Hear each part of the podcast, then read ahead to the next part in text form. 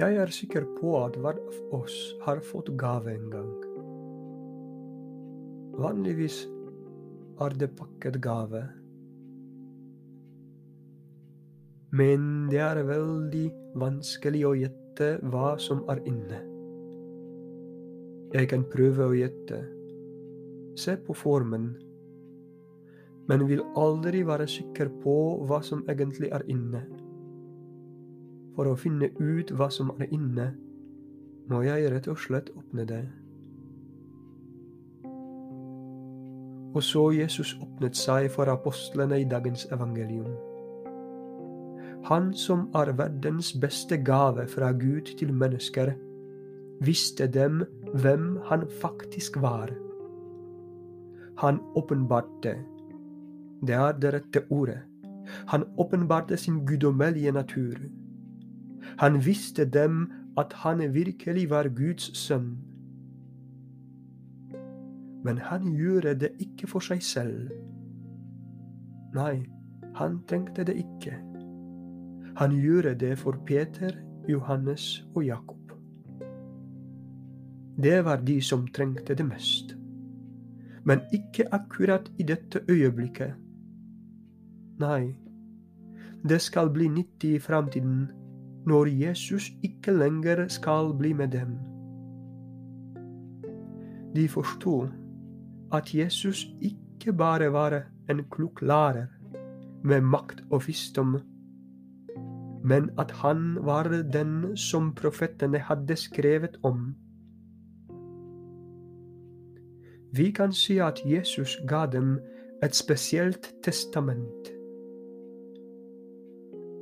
de var så overrasket at den gang tydde de med dette og sa ingenting til noen om det de hadde opplevd. Egentlig, det er ikke så rart.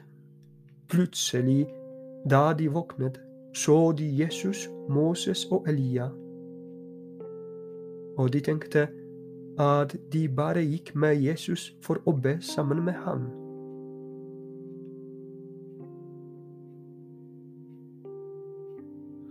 Det er verdt å merke seg at Lukas skriver at de gikk for å be.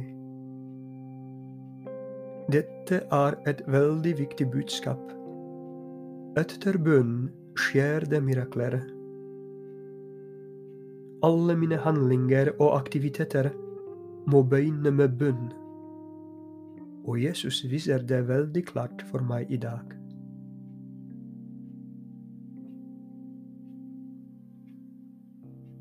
Men hvorfor Moses og Elia? Moses er et symbol på loven. Elia er et symbol på profetene. Begge er symboler på Det gamle testamentet. Det er kjempeviktig for apostlene. Til slutt hørte de Guds stemme dette er min sønn, den utvalgte, lytt til ham. Dette var en spesiell beskjed for dem. Fra nå av må dere høre bare på ham. Han er det jeg sendte til dere, og han fullbringer hele Gamle testamentet. Men det betyr ikke at Det gamle testamentet ikke er viktig lenger. Nei, det er fortsatt viktig. Men Jesus har det siste ordet.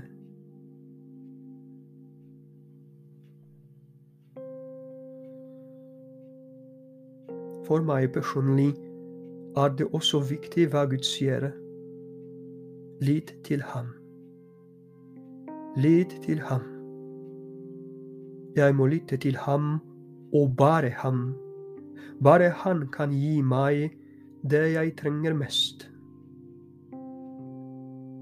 Hvor kan jeg prøve å høre ham? I kirken, i Bibelen, i kirkens lære, i min personlige bønn, i sakramentene. Jeg har mange forskjellige muligheter, men jeg må ikke glemme at Jesus tok Peter, Johannes og Jakob med seg opp til fjellet, opp til fjellet. De som går på tur, vet at det ikke er lett, at det er en stor anstrengelse, at det tar tid. Likevel verdt å gjøre, fordi på toppen vil jeg kunne si Mester, det er godt at vi er her.